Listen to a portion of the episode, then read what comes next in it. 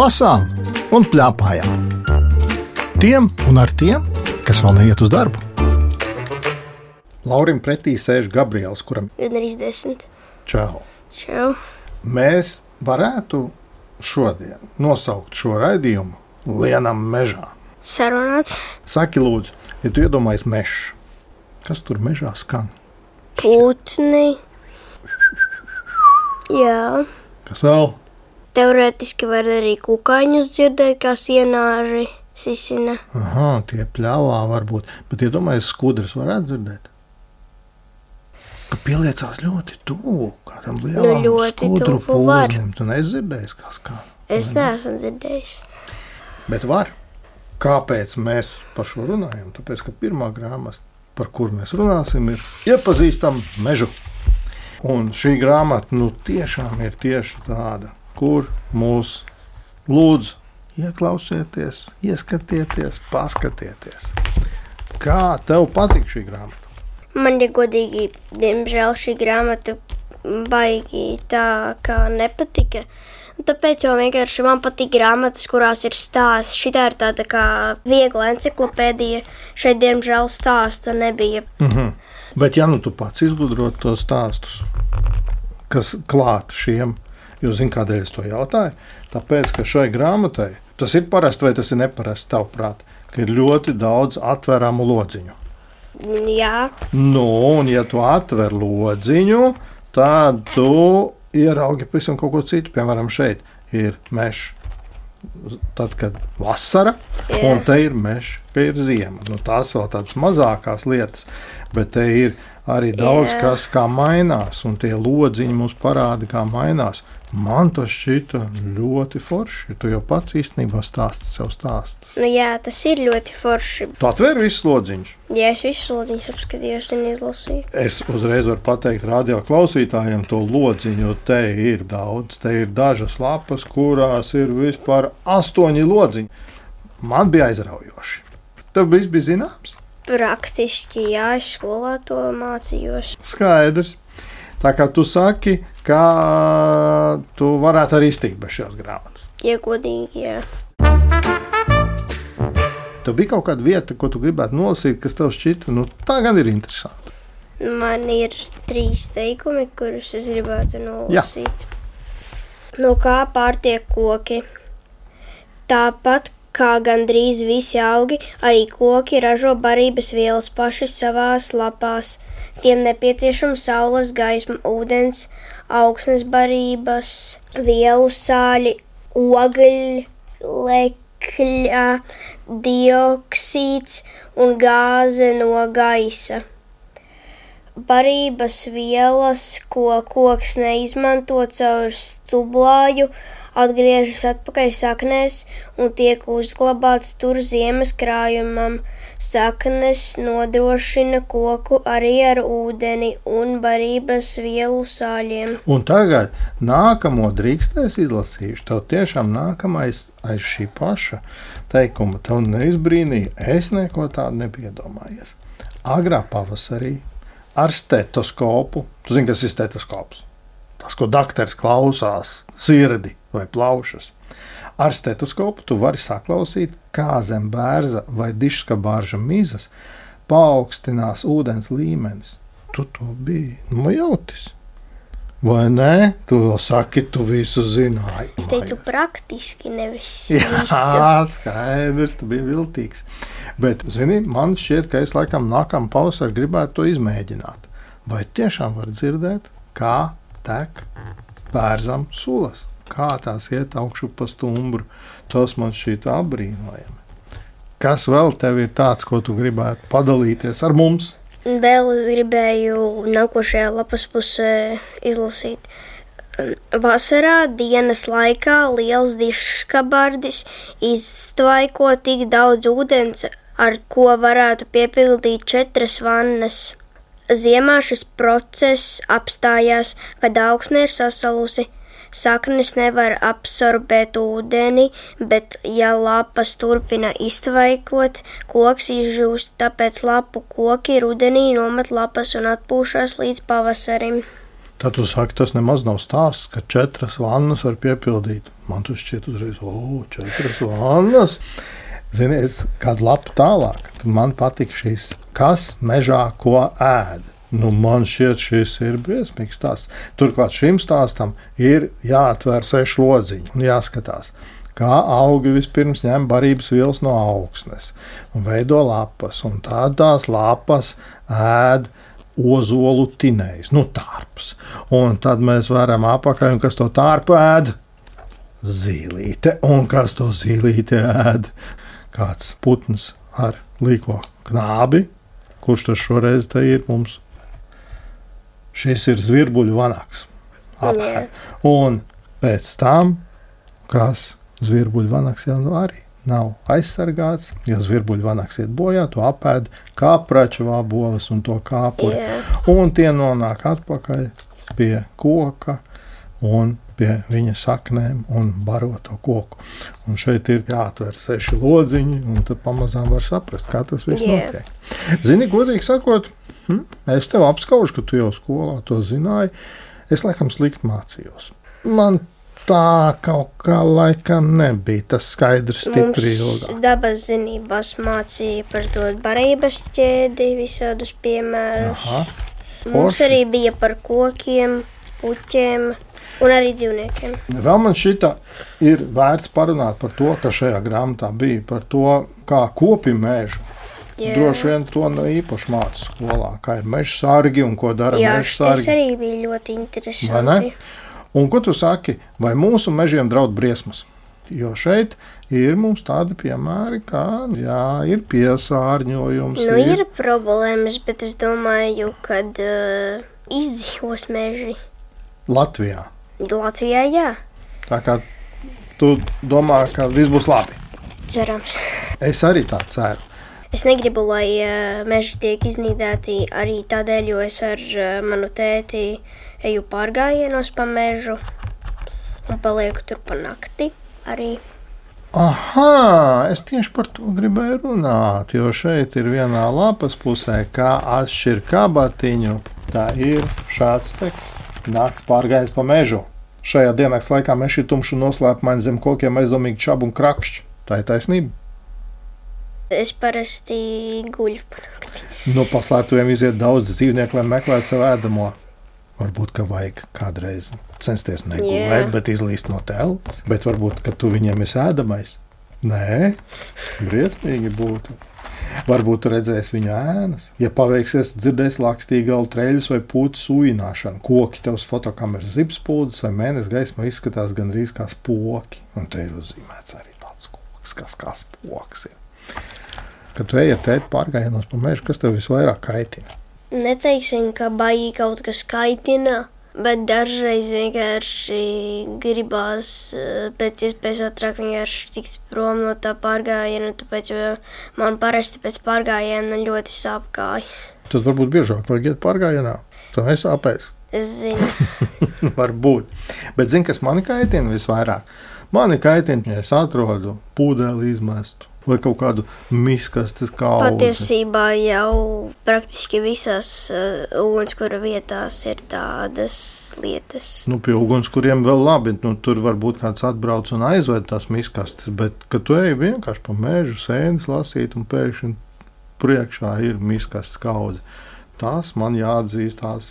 Man vēl nekad nav tas sanācis. Jā, tas ir labi. Tas ir tavs optimisms, kā ar mūsu mežiem būs labi.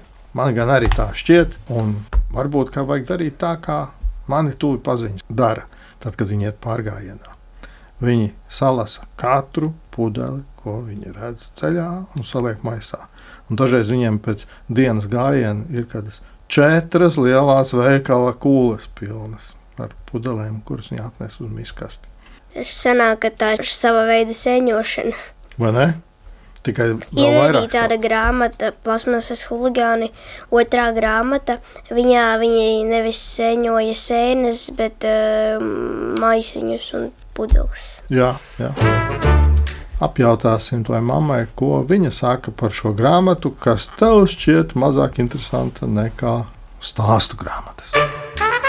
Tā grāmata bija ļoti tāda enciklopēdiska tipa, ar, ar visādiem atvariem lodziņiem, ar tādiem realistiskiem zīmēm. Viss kā vajag tādam izzinošajam procesam, bet uh, mēs laikam kaut kā grāmatās gribam vairāk kaut ko sajust, nevis izzināt, jo tu visu laiku skolā izzini visādos raidījumos, tur uh, dabas, tu arī visu izzini, bet tāpēc grāmatas mēs laikam ar Gabrielu vairāk esam pievērsies tādām, kur tu kaut ko jūti, kaut ko emocionāli kaut sasniedz. Smieklīgi. Kaut kas smieklīgs, Piemēram, jā, tāpēc. Es tagad lasu kaut ko līdzīgu komiksam. Es vienmēr, tad, kad ir kaut kas smieklīgs, es saucu mammu, lai viņai izlasītu. Tas tā ir par grāmatu. Garīga dienas grāmata ļoti forša. Tiešām. Jā, tās viņš pat panākti lasa, tā kā kaut kāds grāvējs. Bet es domāju, ja to grāmatu, teiksim, paņem līdzi varbūt uz mežu, pārgājienā un tad mēģina kaut kā skatīties pēc fakta, sēžot mežā to grāmatu, tieši to iepazīstam mežu.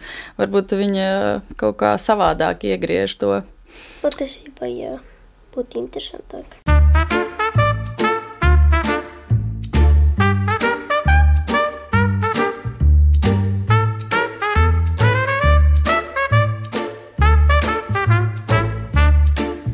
Lasām un plēpājām.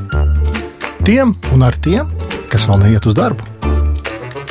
Nu, skatāmies otru grāmatu. Atšķirībā no pirmās grāmatas, šī grāmata man ļoti patīk.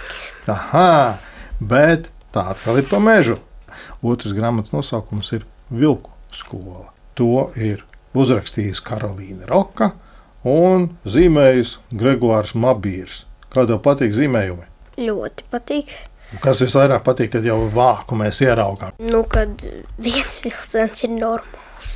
Tā viens tikai ir normāls, visi pārējie nenormāli. Tā tiešām ir vilku skola. Jā. Es drusku mūsu radioklausītājiem nolasīšu, par ko tur ir, lai varētu saprast. Ir laiks pirmo reizi doties uz skolu, un vilcēna vecāki priecājas, ka dēls iemācīsies kaukt, kauties un ēst kā sušķis. Gluži tāpat kā vispārējie vilku bērni. Tikmēr vilcēns sapņo par pavisam citādu skolu. Tā tad ir divas skolas. Ir vilku skola, kā tu varētu raksturot. Kā šajā grāmatā bija rakstīts, ka pats vilciens domāja, ka tā ir pavisam plānprātiņa skola. Patiesībā jau tā arī ir, jo tur visi vienkārši ir. Nezinu, kā to pateikt, neko nesaprot. Nu, kāpēc neko nesaprotu? Man šķiet, ka ir tādas ir ļoti interesantas zināšanas. Nu, piemēram, paņemsim šīs vilku skolas zināšanas. Tātad, ko tur māca? Kaukšanu un ēšanu kā sušķiem, skriešanu pakaļ un kādu vainu labu zināšanas. Vai kauties neskan labi, ja? Īpaši, jā, bet tur, protams, nu kā, nu, tas ir starp vilkiem. Viņiem ir jāmāk Nu, tas ir priekš vilkiem. Jā. Un vēl šeit ir arī tāda bilde, kur ir. O, taču galvenais te iemāca rūpības, noteica apmierinātais vilks pelēcis. Un es atļaušos tā klusu. Smirdīgais cūkašs nokurs, brācis skolnieks. Tavs tēvs ir veģetārietis, cits vēl skaļāk atcert. Nu, vai nav varens, saka vilks pelēcis, un vilcenī nobirst asara. Kādu gabaliņu tu izlasītu no šīs grāmatas? Man pirmais būs tur, kur viņš uh, bibliotekā slēpās no vecākiem. Man tas patika, jo es sapratu, ka viņš ā, negrib uz skolu. Uz to rupjo vārdu un kaušanos. Un, Bet, ja man vajadzētu, es noteikti nokārtotu. Ko tu nokārtot? Nu, to vilku iesniegs, vilku Ā, skolas. visu kaušanos, pakaļskriešanu, visu. Ja? Tu tos vārdus arī zinām? Labi, es izlasīšu. Uh -huh. Vilciens nesaprot, kāpēc viņa vecāki tik ļoti baidās no īstās skolas. Viņš labprāt mācītu lasīt, rakstīt un rēķināt. Ja vilciens mācītu lasīt, viņš saprastu pasakas, grāmatas, ko pēta slepus tupēdams bibliotekā. Tad nevajadzētu samierināties tikai ar skaisto bildīšu apbrīnošanu. Ja vilciens mācītu saskaitīt, viņš varētu vadīt naktis, skaitīdams zvaigznes pie debesīm, nav vismaz tās, ko var redzēt pie viņa guļamistabas loga. ja vilcāns mācētu rakstīt, viņš varētu sūtīt vēstules vecvecākiem. Vēl. Tie ir vilciena sapņi. Ko viņš gribētu. Man arī diezgan interesanti šķita pats sākums, tad, kad viņš ieradās tajā vilku skolā. Es uh, nolasīšu tur, kur uh, viņš uh, pats pastāstīja, ka vispirms iemācīs kaut ko darīt. Mm -hmm. Vispirms vilku skolā iemācījās kaut ko. Vilks spēlētis kopā ar jaunīņiem, vilkiem sāka gaudot. Uā, uā. Es pašlaik lasu, vai ne? Jā, bet uh, kaut ko baigi jūtīgi skan. Nu, kā tev skanētu? Au, vai kaut ko tam Tu līdzīgu. tur tā pieklājīgi, tad tur vesels bārs šausmīgi vilki. Bet es varu paturpināt, kā viņam gāja. Viņš izgāja visu šīs apmācības, viņš paskatījās, kas viņam jāiemācās, un tad bija eksāmens. Un, nu, ej un nokārto eksāmenu, bargā balsī pavēl vilks pelēcis. Pats redzēs, tas būs pavisam vienkārši piemetina vilceni. Tu jau arī teici, Gabriel, ka to var. Manam mazajam vilcēnam tas tikai ķekšīši pēc, atkal teica tētis. Un tad eksaminētāja rindas priekšā. Viņš kaut kādā vietā izdevš. Kā tev skanēja? Knaps smilkst. Jā, un tas bija viss. Un arī vispārējie eksāmeni netika nokārtoti.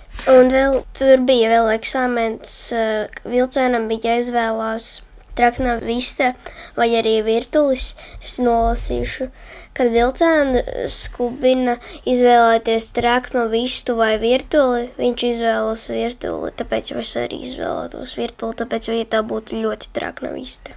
Un tas ir izgāšanās eksāmenā. Labi. Jā, Mm -hmm. vairs. Kautiņā viņš izvairās no dunkām, iz, izgāšanās, un rupjo vārdu eksāmenā viņš spēja izmest tikai no lāpī.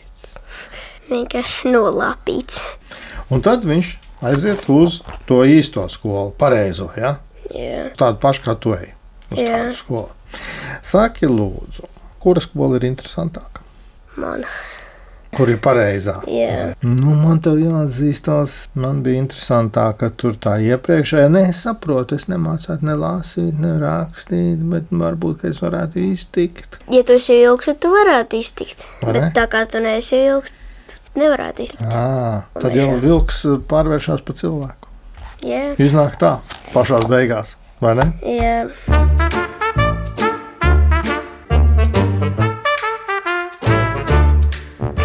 Mēs jau par bildēm runājām. Nu, man šķiet, ka bildes ir labās. Ne? Mm. Visi tie vilki, un kādi tikai viņi nav, un kā tikai viņi neņemās. Man, ja godīgi, vislabāk patīk tas, ka viņa vispār varēja uzzīmēt vilku, tāpēc, es vienkārši nemāku ne cilvēkus, ne dzīvniekus zīmēt. Tāpēc man Tu esi ļoti- mēģinājis vilku zīmēt? Es esmu mēģinājis kaķi vai suni zīmēt, man nesanāca neviens ne otrs. Bet tu domā, pēc šī zīmējuma tu nevarētu vilku uzzīmēt? Nokopēt. Varētu. Vai ne? Vajag pamēģināt. Nav Varbūt, nekā sarežģīta. Varbūt šī ir tava pirmā zīmēšanas grāmata. Īstenībā nevis lasīšanas. Jā, varbūt. vai ne? Nu, tā mēs bijām divreiz mežā. Vienu reizi tā nopietni mežā, tā kā skolā māca, un otrreiz tā kā skolās nemāca. Interesanti. Ko tev mamma saka par to skolu, kur nav tā kā īstā skola, pareizā? Jā. Vilks skola jau uz tādiem paradoksiem, visi tur salikti, viss kā vajag, viss pretstatu plūsma un eh, vecāki neieklausās bērnos, un viņi domā, ka viņi zina, kā labāk vajag. Nu, viss, viss arī ļoti pēc schēmas, bet tajā pašā laikā, nu, vismaz eh, maniem abiem dēliem ļoti likās labs tas, ka, ka tas eh, vilks tomēr pats pēc tam eh, spēja panākt to, ko viņš grib. Mammai nē. Mammai likās, ka tā vilka skola ir interesantāka. Man liekas, ka interesanti ir tas, ko viņi paši izvēlās, kas viņiem ir interesantāk. Bet viņam jau nebija izvēles, tāpēc jau viņš izkrita eksāmenā un uh, Nu, viņš, jau varēja, viņš jau varēja neizkrist eksāmenā, ja viņš ļoti gribētu. Bet varbūt viņš vienkārši to nevarēja. Varbūt Nē, viņš nezināja bija- nevienas rūpības. Viņš nevarēja atcerēties. Viņš bija baigais triks. Ar Gabrielu Pļāpāju Laužu Gundars, raidījuma redaktora Agita Bērziņa. Raidījumu vēlreiz klausies Latvijas radio lietotnē, mājaslapā un arhīvā. Tie, kā mēs!